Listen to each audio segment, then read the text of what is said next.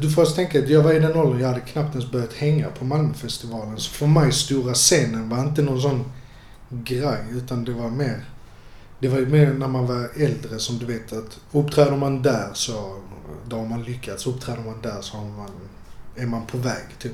Så jag hade ju inte de referenserna ens. Så för mig var det mer bara ett uppträde. Men sen när jag kom ut på scen och insåg vad det var. då blev det typ så, shit. Var fan har jag hamnat?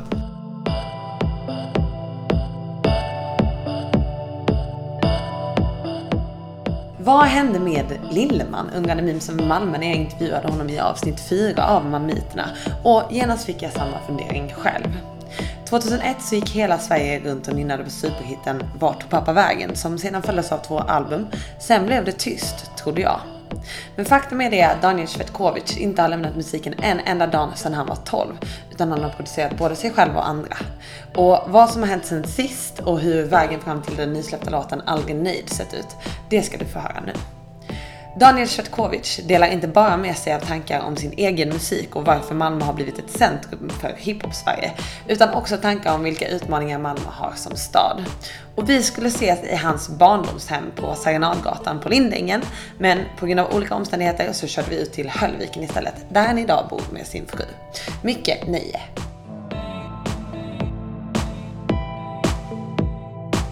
Då är vi igång. Läget? Mycket bra. Bra.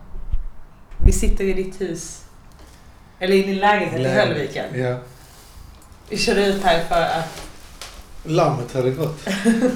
Falskt lamm. Skönt. Till att börja med, liksom, har du haft en bra dag? Vad, vad har du gjort idag? Jag har jobbat idag. Ja. Faktiskt varit bra. Fint väder. Varit väldigt långt på jobbet. Jag jobbar som fritidsledare. Så det har varit långt. Eh, Alla eleverna har varit glada. Säkert mycket på grund av solen. Men så när det har varit lugnt. Kan inte klaga. Kan inte klaga. Bra. Jag har jättemycket att fråga dig. Det är bara att börja. Det är jättekul att träffa dig. Tack. Eh, Tack detsamma. När jag var tio så började jag lyssna på din, eh, din eh, musik. För det var då den släpptes. Mm. Så det känns skitfett. Och jag tänkte liksom att vi, att vi börjar från början. Absolut. Pappa kom hem Och pappa det är din son Var är du? Kan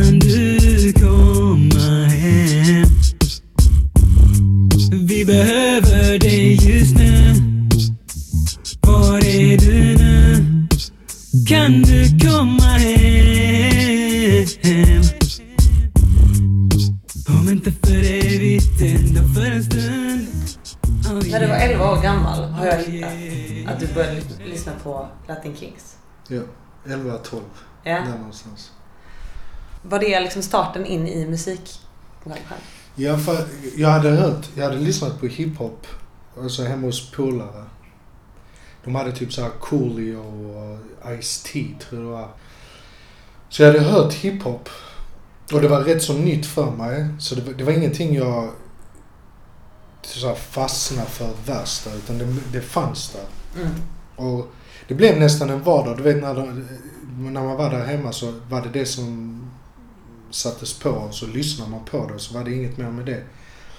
Men sen, jag kommer ihåg att första gången jag hörde Latin Kings, för då blev jag typ så shit, kan man göra detta på svenska? Mm. För min engelska har aldrig varit bra. Alltså jag har alltid haft eh, typ så här. Jag har alltid förstått engelska men aldrig lärt mig riktigt att prata engelska. Och känt sig hemma i Ja, och du vet, så- och så är det en sån grej att nej men varför ska jag prata engelska när jag inte kan? Mm. Så jag sket i det.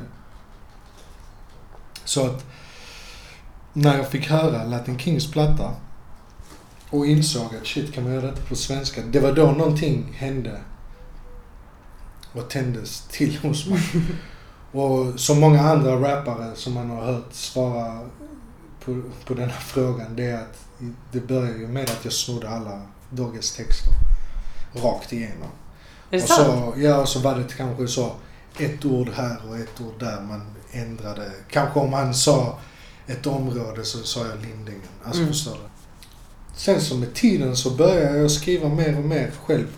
Jag hade en vän till mig vars mamma hade någon kompis som sysslade med musik. Så vi fick eh, gå hem till honom, jag och han, och så gjorde vi en inspelning. Jag tror också för varje grej, ny grej man var med om att typ spela in första gången så blev det ännu mer intressant. Mm. Och då började jag skriva ännu mer. Och till slut slutade det med att jag satt hela dagar i skolan och skrev texter istället för att vara i skolan. Sen blev det ju att efter ett, ett, två, tre år, två år där typ ungefär, så träffade jag ju Gonza och Grodde, eh, Shafik. Många av dem är från Advanced Patrol. Så då blev det ännu mer naturligt att bara fortsätta med det. Så att... Eh, sen så tog ju min polare Said mig till eh, Bushman som producerade första albumet. Så sa han, jag har en polare, vill du följa med spela in? Och så spelade vi in Visa vad du kan till den låten. Så det var den första låten jag spelade in så. På riktigt. Och sen så tyckte Bushman att fan detta lät bra, jag vill satsa på dig. Så sa han, ja men kom hit här, jag producerar, du skriver. Och så blev det mer en... Det blev typ ett nytt kapitel i mitt liv. Så där slutade jag nästan helt att slu- äh, hänga ute. Utan det blev skola, studion, hem. Skola, studion, hem. Efter, vad var det? Jag kommer inte ihåg om det var sex, sex, sju låtar och sånt. Så åkte han till Stockholm med demosen och lämnade till olika skivbolag. Så kommer jag ihåg att det var några fem, sex som var intresserade. Och sen slutade med att vi signade med eh, dotterbolag till eh, Universal, Sprinkler. Så det, saker och ting gick väldigt snabbt. Man tänkte inte så mycket. För det där var ju liksom 2002 om jag fattat det hela rätt. När liksom hela Vart och pappa vägen kom. 2001. 2001. Hade du kört mycket med Advanced Patrol innan dess? Ja, mycket. Hur, hur kommer det sig att ni började liksom rappa ihop? Gonza är ju från Lindängen. Så jag träffade ju honom på fritidsgården. Och jag kom till och med ihåg första gången vi träffades. Typ jag var utanför fritidsgårdens ingång och så kom han fram och sa jag har hört att du rappar, stämmer det? Och jag skämdes. Så, ja. Men kom igen, rappa lite, du vet så här. Alltså jag kommer inte ens ihåg om jag rappade för honom just då eller inte men det var så till vi träffades och sen blev det ju, alltså med tiden så började jag ju umgås med Gonza. Alltså gick hem till honom, han, han visade mig hur han skrev. Typ så här räknar du stavelser. Sen var det Manuel också, en annan polare som också jag hängde mycket med. Som var så riktigt sjuk på freestyle. Alltså kunde stå du vet, så i tre timmar och bara rappa. Och sen blev det så, du vet på den tiden hängde vi ju mycket ute så du vet folk hade med sig som boom bap stereo och du vet spelade instrumentaler, vi stod och freestylade. Du vet så det var ju mycket som sagt musik, alltså varje dag på Lindängen. När man är så ung så är det det, det, är det som är det svåra, eh, att hitta sig själv. Folk hittar inte ens sig själv i 50-årsåldern. Tänk dig då 14. Att bli, få ett namn och bli kallad efter kom ju från Gonza. Just det här lillen, lilleman och hela den grejen. Så att man fick ju en identitet. Varför blev det Lilleman då? Det var för att jag var yngst. De alla var ju fem år äldre, sex. Så att jag var ju jätteliten. Alltså jag var ju 12 när jag började, typ så 12-13 när jag började hänga där med dem på fritidsgården. Så att de var ju typ 17-18. Jag blev ju en lillebror. Ja. Alltså jag vet ibland när det blev så här Typ det skulle bli bråk och såna grejer så var det typ så att nu går du hem, fattar du? Du vet så de var en sån beskyddande storebrödrar. Jag kommer ihåg Gonza var väldigt så nu det kanske händer någonting nu, nu måste du hem. Du vet såhär, jag vill inte. Gick det hem då? Nej, det var någon gång jag tog bussen ändå till ett ställe där de skulle träffa någon. Fy fan vad arg han blev på mig. Kommer du ihåg det? Vadå för att du... Ja, men det var, det var något sånt. Det var något tjafs mellan några. Så skulle man träffas upp och göra upp. Och så... Slåss, liksom? Ja, jag tror det. Jag vet inte. Men så var det så att nu du, åker du hem, fattar du? Och jag bara, ja, så tog jag ändå bussen dit. Och så trodde jag att de skulle bli glada när de såg mig, men absolut inte. Utan jag fick mig en rejäl utskällning. Typ, fan gör det här? Jag sa till dig jag skulle hem. Var det liksom vända på klacken, snart Ja, mellan benen ja, gå? faktiskt. Det är ju klart mycket tack vare det som hände där som gjorde att jag blev vad jag blev. För att som många andra drömmar kanske är att man börjar men ingen stöttar eller något sånt och sen att man lägger av. Att det inte finns något sammanhang? Liksom. Ja, att, att det blir en rolig grej och så märker man att jag kommer inte längre och så slutar man. Så det är klart att den tiden på Lindängen då från typ 12 till 14 blev jävligt viktig. Det känns som, ehm, som den tiden var viktig för hela grunden till Malmös rap-scen. Ja, och, och grejen är så att det är klart, vi har, vi har Pauline, Maj, Gonza, eller egentligen hela AP. Visst, Juan var från Kroksbäck och sånt, men vi hängde ju där mycket och sånt. Och det fanns ju, klart att det fanns rappare runt om i Malmö, men det är klart att det blev ju en... Det blev ändå mycket ögon på Lindängen. Mm. Just på grund av att jag slog igenom där och sen kom AP med album efter det och sånt. Så det hände ju jävligt mycket. Var det en tillfällighet eller fanns det någon typ av liksom, organisation som... Nej, till, alltså klart, då, jag hade ju min organisation senare. När jag kom till, till studion så, så blev vi ju en klick där. Mm. Sen har du ju AP som var en organisation i sig. Nu snackar jag inte på fritidsgården. Fanns det liksom någon bra institution som var så här, ja shit, fortsätt med detta Nej. kids? nej. Eller var det liksom bara ni som Nej, hittade det, vi, i varandra? Ja, det var vi som... I alla fall i mitt fall var det när jag kom till studion och till han producenten Bushman då. Och med hjälp av de som hängde där att det, det bildades en, en inre organisation Mm. där som ändå... I mitt fall så var det ju att jag kom till den studion och sånt. Och sen som sagt, jag hade grunden med mig från Lindängen. Alltså hela den med att utvecklas och skriva och sånt. Men jag känner inte att... Jag vill inte påstå att Lindängen eller Malmö stad eller på något sätt har pushat eh, mig i alla fall. Mm. Eller hjälpt mig på vägen. Absolut inte. Utan det är klicken där. Ja. ja. Det är kul när du pratar om det. För att det låter som du pratar, eller man ser sig så här framför sig, att du skulle vara liksom på gymnasiet typ. Ja. Eh, men så, alltså ung, Jag var- inte, alltså barn Ja, jag liksom. var 14 när allt detta... När pappa-låten släpptes. Den släpptes sommaren. Och jag fyller år mars. Mm. Så jag var ju 14 när jag skrev pappalåten. Jag hade inte ens hunnit fylla 15. Och grejen är att många som kanske umgicks med mig den tiden, alltså som var i studion med mig och sånt. De, de kanske fick intryck av eh, typ så, shit, skivbolagssnack. För de var mycket äldre, de var 5-6 år äldre med de flesta.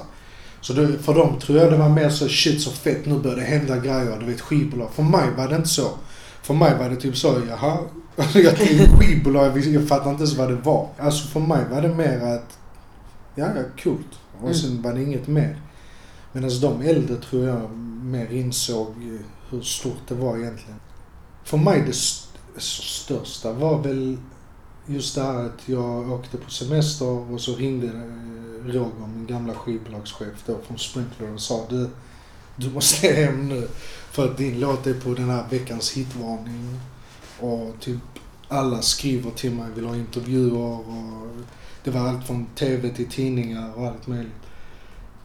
Och jag var bara så att, wow, fan, fan vad coolt, det börjar hända någonting med musiken. Men du vet, kom ihåg att jag var, hade inte drömmar på den tiden. Alltså det var inte som att jag hade en, en tanke att nu ska jag skriva en låt och nu ska den bli stor och Jag ska bli rappare. Ja, alltså du vet så. Utan det var mer jag skrev för att jag gillade och jag tyckte om att göra det. Och jag tyckte om hela det här livet att gå till studion och bara spotta ur sig allt man hade och gick runt och tänkte på som... Det var typ min dagbok. Man gick runt och fyllde en massa känslor och sen in i studion spelade in det och så var man typ lättad för en vecka. Så när jag kom tillbaka från semestern då, som de typ avbröt, Var var Då- du på semestern alltså? i Serbien. Ja. Och sen när jag gick på gågatan så började folk skrika typ så lille man. Eh. Typ tjejer började, du vet sådana här panikskrik. Ah! Typ folk ville ha autografer och sånt. Och du vet där, där tyckte jag bara det var fett konstigt. Typ så här, jaha. Typ jag var här för tre veckor sedan. Det var ingen som brydde sig. Och nu helt plötsligt så känner folk igen en. Så det gick ju från noll till 100 väldigt snabbt. Mm. Så man hann inte riktigt så reflektera över det. det var mer, jag kunde njuta av alla dessa sakerna mer så två, tre år senare. Typ shit! Fan vad sjukt att jag jobbat med honom och jag lyssnade på honom när jag var liten. Hur var det att slå igenom så tidigt? Jag vet, det kanske låter konstigt men jag, jag blev rätt så van snabbt. För att redan den sommaren så uppträdde jag på Malmöfestivalen. Och jag tror den, den spelningen blev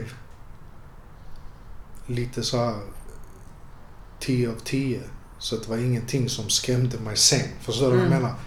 För att då var det full, fullsatt eh, Stora torg, stora scenen. Ja. Så, att, så att det var fullsatt och det var helt... Det var kaos. så att även om alla andra ställen var fullsatta så var det ändå inga ställen som kunde ta emot så mycket människor som Stortorget i Malmö. Förstår du vad jag menar? Så att jag började ändå bra. Vad jag menar? Så att, så att det kändes ändå som att jag kom in i det snabbt. Du sa eh, eh, liksom att du inte riktigt hade hunnit få några artistdrömmar Mm. innan du blev artist. Och sen så spelade du på ett, ett packat Stortorget på Malmöfestivalen Mm. liksom ett halvår senare. Var det bara så här, ah vad sjukt! Eller var det läskigt eller kul eller var det bara, var det bara som det skulle vara? Born star. Ja, så... Jag, jag, jag kommer ihåg att... För det första var det inte ens meningen jag skulle spela utan det var en sån grej att de var tvungna att göra plats för mig. För typ, ingen hade ju räknat med mig. och så kom den typ, vad var det, två månader innan eh, Malmöfestivalen. Så, så blev det typ så vi måste ha med Lilleman. Vi, vi måste trycka in honom. Så jag vet inte hur de fixade det, så de fixade in mig där. Och jag hade ju spelat på Malmöfestivalen kanske Ja, så jag ändå spelat där nog en, två gånger minst innan. Var det med Advanced Ja, med Mm. AP och så. eh, Typ. Så att för, för mig var det mer typ så, fan vad fett att uppträda där. Men du får också tänka att jag var i den åldern, jag hade knappt ens börjat hänga på Malmöfestivalen. Så för mig, stora scenen var inte någon sån grej, utan det var mer det var ju mer när man var äldre som du vet att uppträder man där så då har man lyckats. Uppträder man där så har man, är man på väg. Typ. Så jag hade ju inte de referenserna ens. Så för mig var det mer bara ett uppträde. Men sen när jag kom ut på scen och insåg vad det var. då blev det typ så shit. Var fan har jag hamnat? Och, och jag tror ändå att, att vi, många kanske drömmer om det. Som du säger, de har en artistdröm, de har mål och sånt. För mig, jag hade inte ens kommit dit. Alltså jag hade, ju, jag hade, varit, jag hade varit känd i två månader och sånt. Så jag hade inte ens hunnit tänka så mycket på det.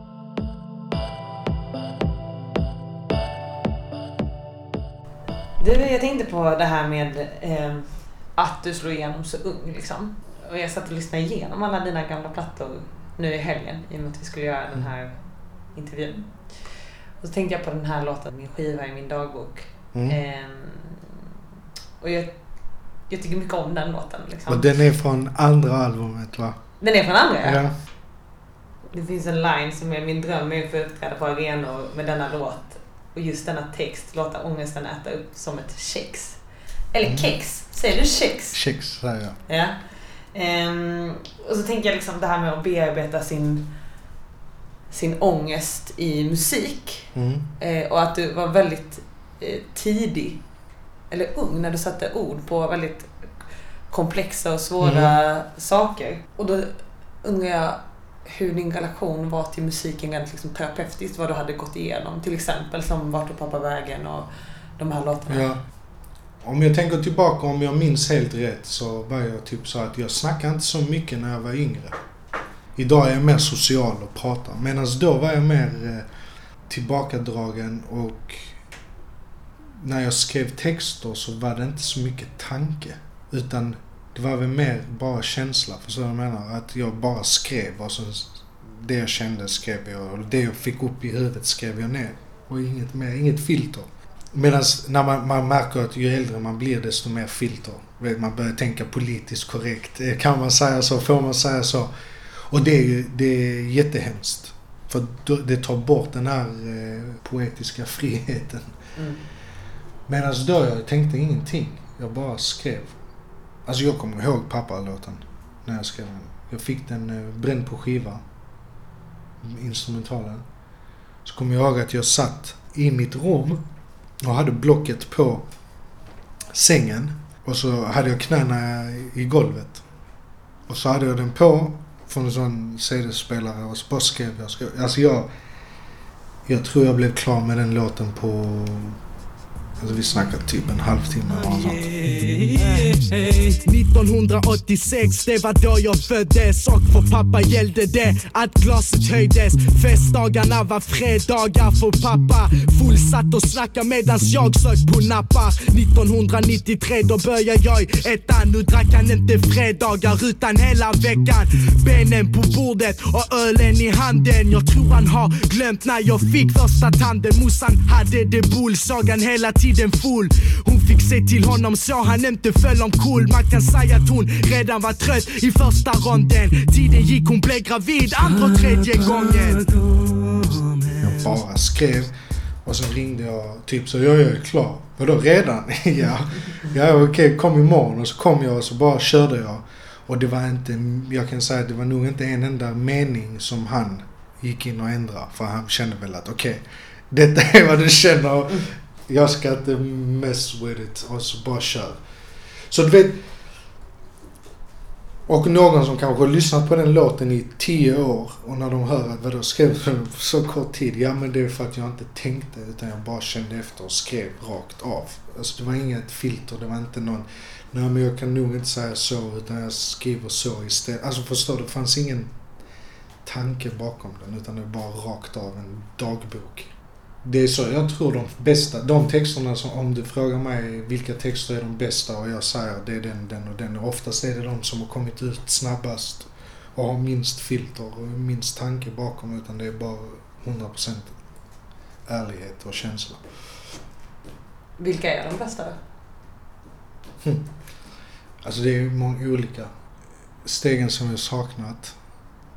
Som, som handlar om också om min pappa fast en vinklad version av hur det var nu. Alltså nu- när jag var 20 år när jag skrev den. Men där, typ livet efter, var tog pappa vägen? Sen uh, gillar jag den här nya med eh, Aldrig nöjd som jag släppte. Just att den är lite, det är så här, det är ett lite hård rap på Mm. en typ kärlekslåt. alltså det är så här kontrasten är, är rolig tycker jag. Men det är klart det finns många texter som jag, jag inte kommer på nu men som jag ibland när jag hör dem eller när folk snackar om någon låt så bara tänker jag shit, just det. Fan den var bra skriven. Jag tänker på det du sa, att du satt och skrev den på liksom, ja, men ditt pojkrum då ju. Mm. Minns du om du kände dig typ lättad efter eller var det bara så, fan vad fort detta gick? Mm. Jag var lättare. Det var riktigt skönt att spela in den faktiskt. Alltså det var med, så var det inte bara med den låten. Det var nästan som med alla, alla låtar som handlade eh, om annat än brudar och sprit typ. Alltså alla som var lite så deep var som en sån psykologträff eller Mm. terapeutträff.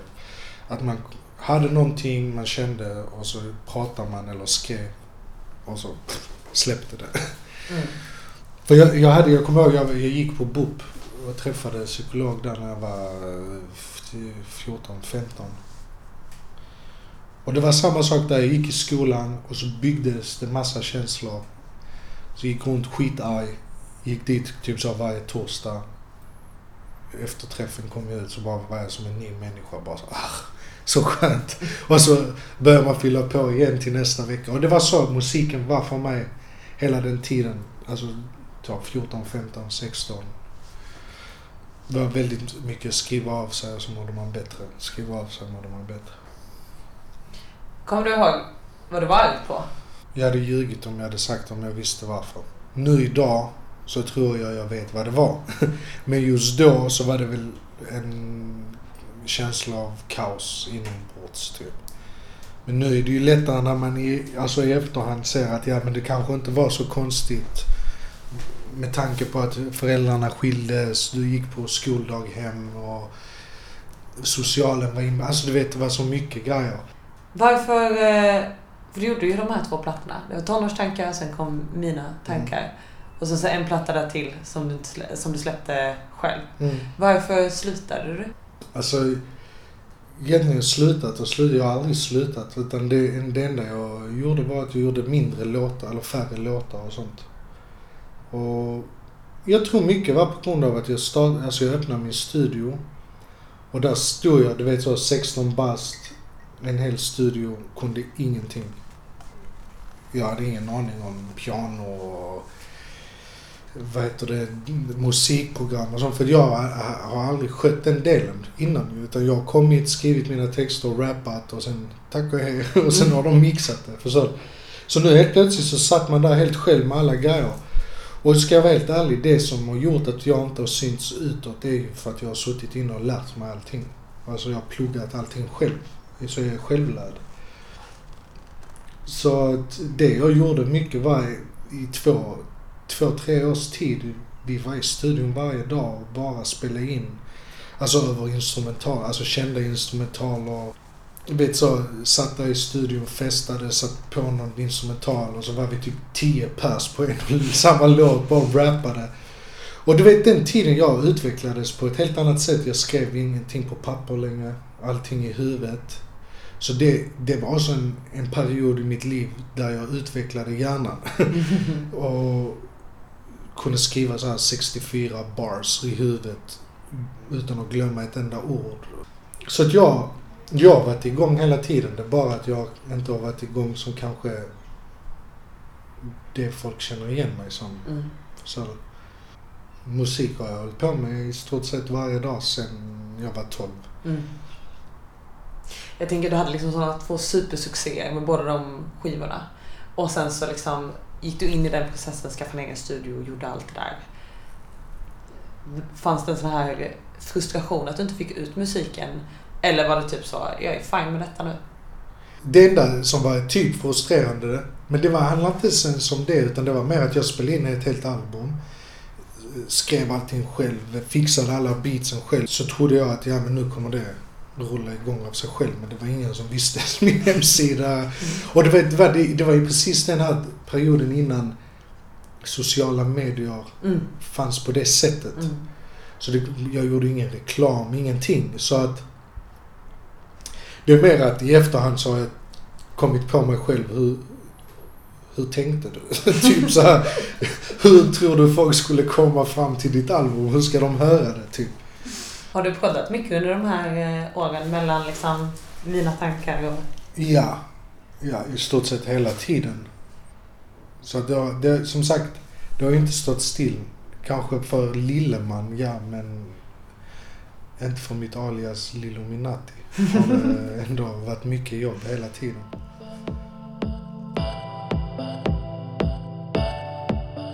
Jag vill prata lite med dig om Lindängen och om liksom eh, Malmö som stad. Jag vill helt enkelt prata om vad den har spelat för roll i ditt liksom, konstnärliga liv.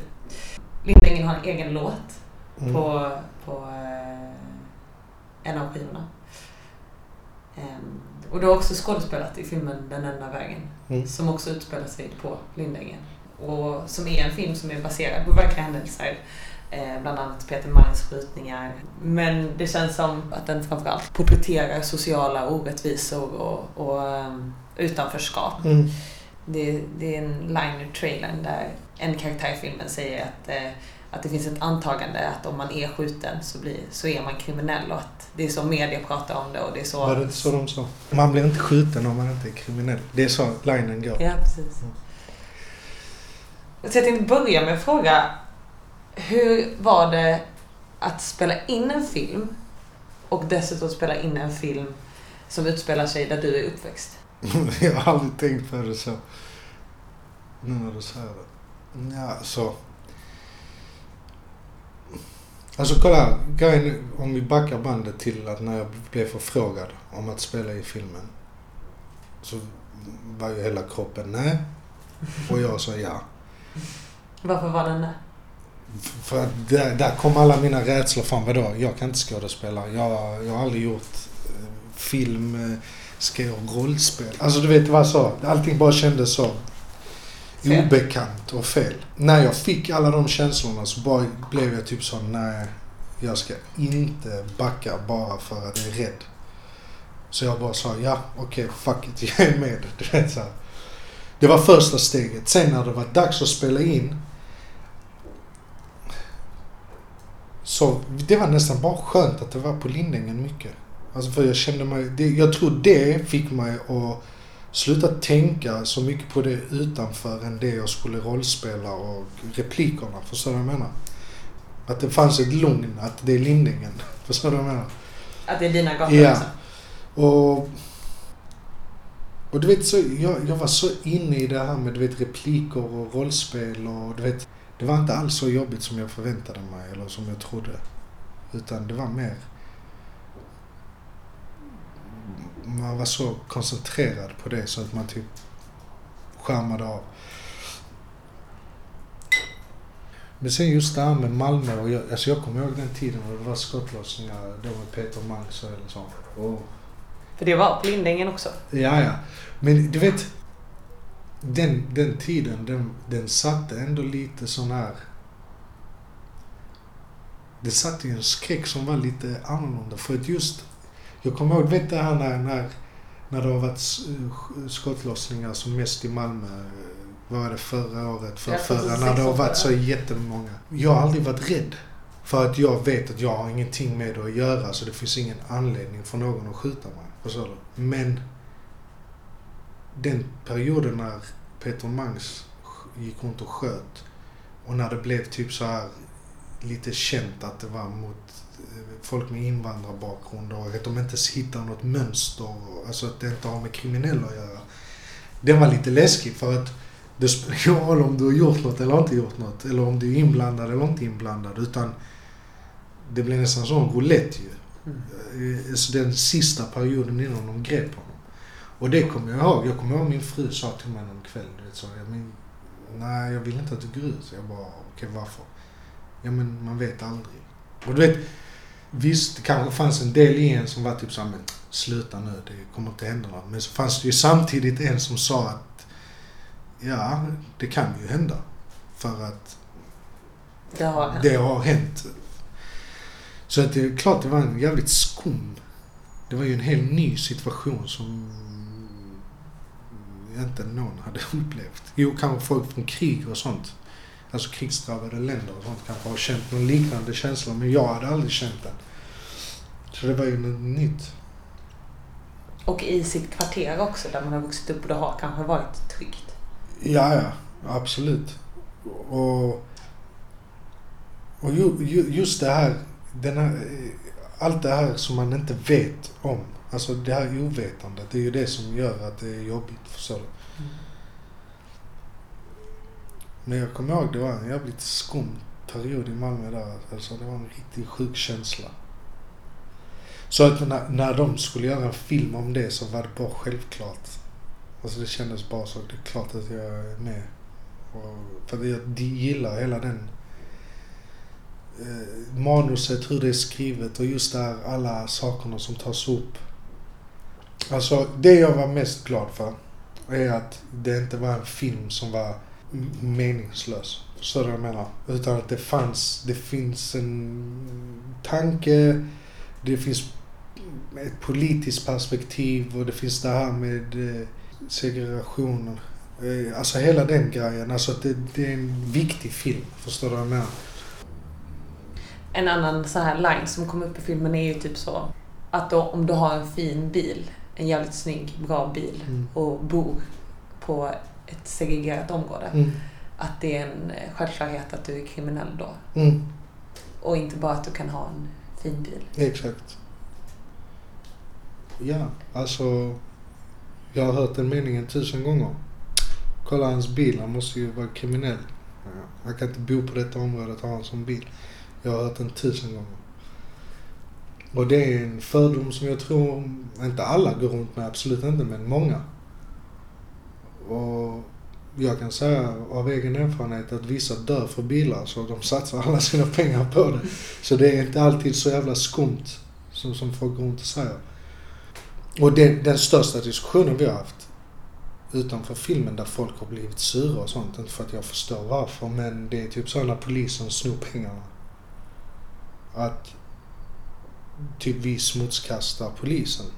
Polisen snor pengar i filmen. Ja. Och där är det typ så att det handlar inte om polis. Det filmen vill visa, eller Manuel vill visa att alla kan göra fel. Vi är inte felfria någon av oss. Men just att i Sverige så har man inte kommit dit än där man kan göra sån scen utan att folk tar illa upp. Vi kan inte göra en film som passar varenda en individ i hela landet eller på jorden. Alltså förstår du vad jag menar? Utan vi, vi får utgå ifrån någon sanning.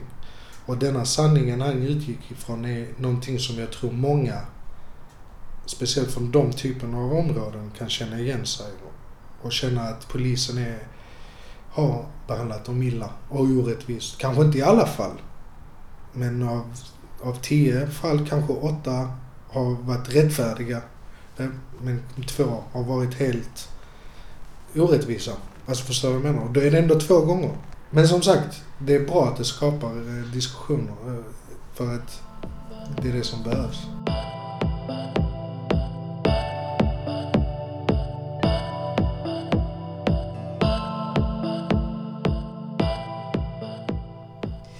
Du, eh, jag har eh, några frågor. Som jag ställer till alla, lite så här stående frågor.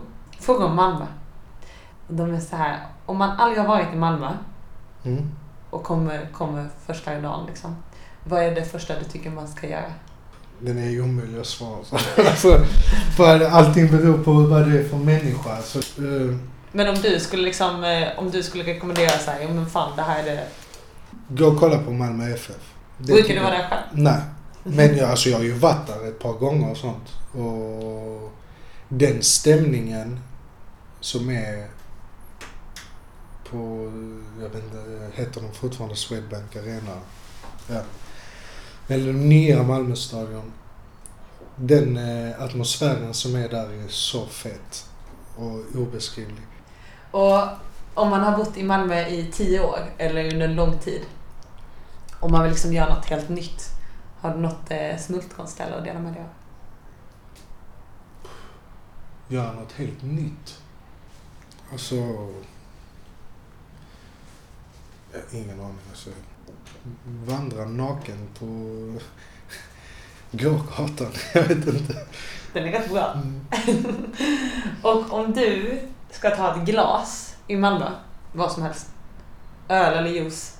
ehm, var går du då någonstans? Jag har nog sagt Skybar för jag har inte varit där än. Alltså på Malmö Live? Ja, Mm. så det är nog nästa ställe.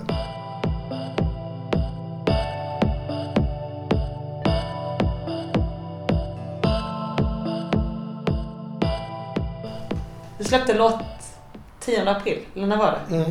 Bara några veckor sedan. Yes. Eh, och innan dess så släppte du den här Lyckas. Mm. Är det de första låtarna på länge liksom? Som Nej. kommer ut? Ja, som kommer ut ja. Mm. Men inte som jag spelat in. Mm. Aldrig nöjd heter den med Christian Fluga. Mm. Hur känns det att, eh, att börja släppa musik igen? Faktiskt, alltså jag ing- Jag känner ingenting om jag ska vara helt ärlig. Det är typ... Den enda skillnaden är att du kan hitta min låt på Spotify jämfört med att du hade kunnat hitta den i min studio. Alltså jag ser det så just nu. Det, det, som, är, det som är fett är nu att nu får jag ändå höra, du vet jag får såna eh, meddelanden och får fan vad cool den raden var. Så det har jag kanske saknat innan för att folk inte har hört låtarna.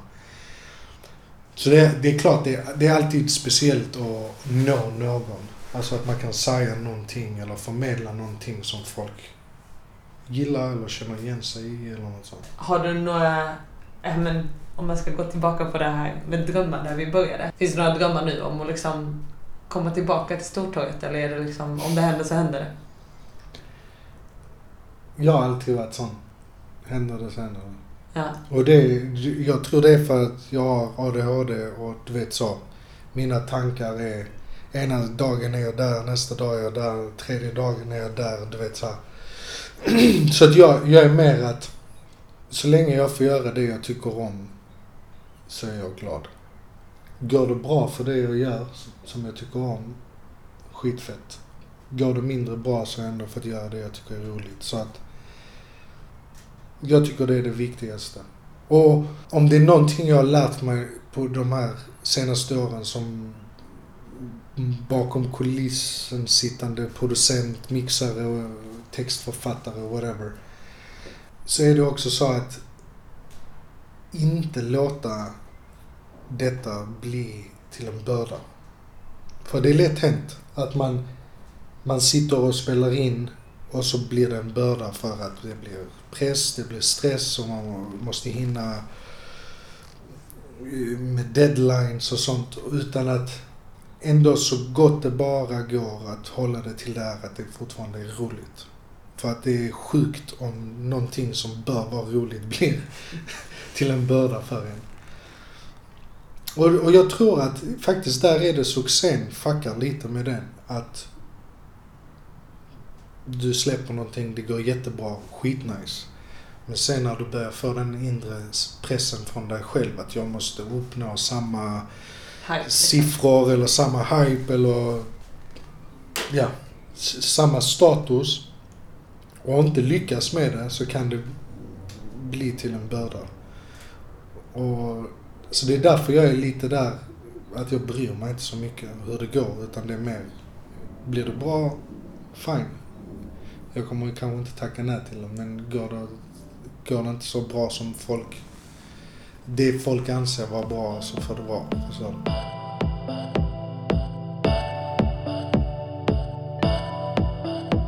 Så jäkla spännande, eller bara att höra om allt det du berättar. Eller jag... Oj. Det är fett att höra hur, eh, ja, men vem du är med, hur ni spelar in. Mm. Det är skitkul. Det är sjukt mycket från Linninge. Alltså. Och Malmö, inte bara Linninge men Malmö speciellt för att vi kanske inte syns som stad. Men som individer så emellanåt så blomstrar det upp. Det finns så sjukt mycket bra rap från Malmö. Eller jag tänker så här, Jacke, hela Ja. med AP, allt det. Och sen, sen har du Ozzy. Sen har du Gulled nu som det går Mm. jättebra för. Så att det finns, det finns mycket men det, det som jag tror är, om man jämför med Stockholm, där är de så många. Så att det känns ju hela tiden som allting är Stockholm, Stockholm, Stockholm. Men som sagt, jag, det jag, jag, jag dör för de här stunderna som du sa, Gulled, Ozzy och sånt. För att de, de blir ju förebilder till kanske nästa generations rappare, förstår du? Så det är bara så, det är så jävla fett när det går bra för Malmöartister för att det sätter igång en ny era kanske. Mm. Så man får ju hoppas att många blir inspirerade av deras musik. Och det är skitbra för att man får bara hoppas att det inspirerar folk härifrån. Att Malmö ändå kan växa musikaliskt. På grund av alla oss som håller på. Gott. Eh, du, jag börjar känna mig redo. Eh, jag vet inte, tycker du jag har glömt fråga någonting?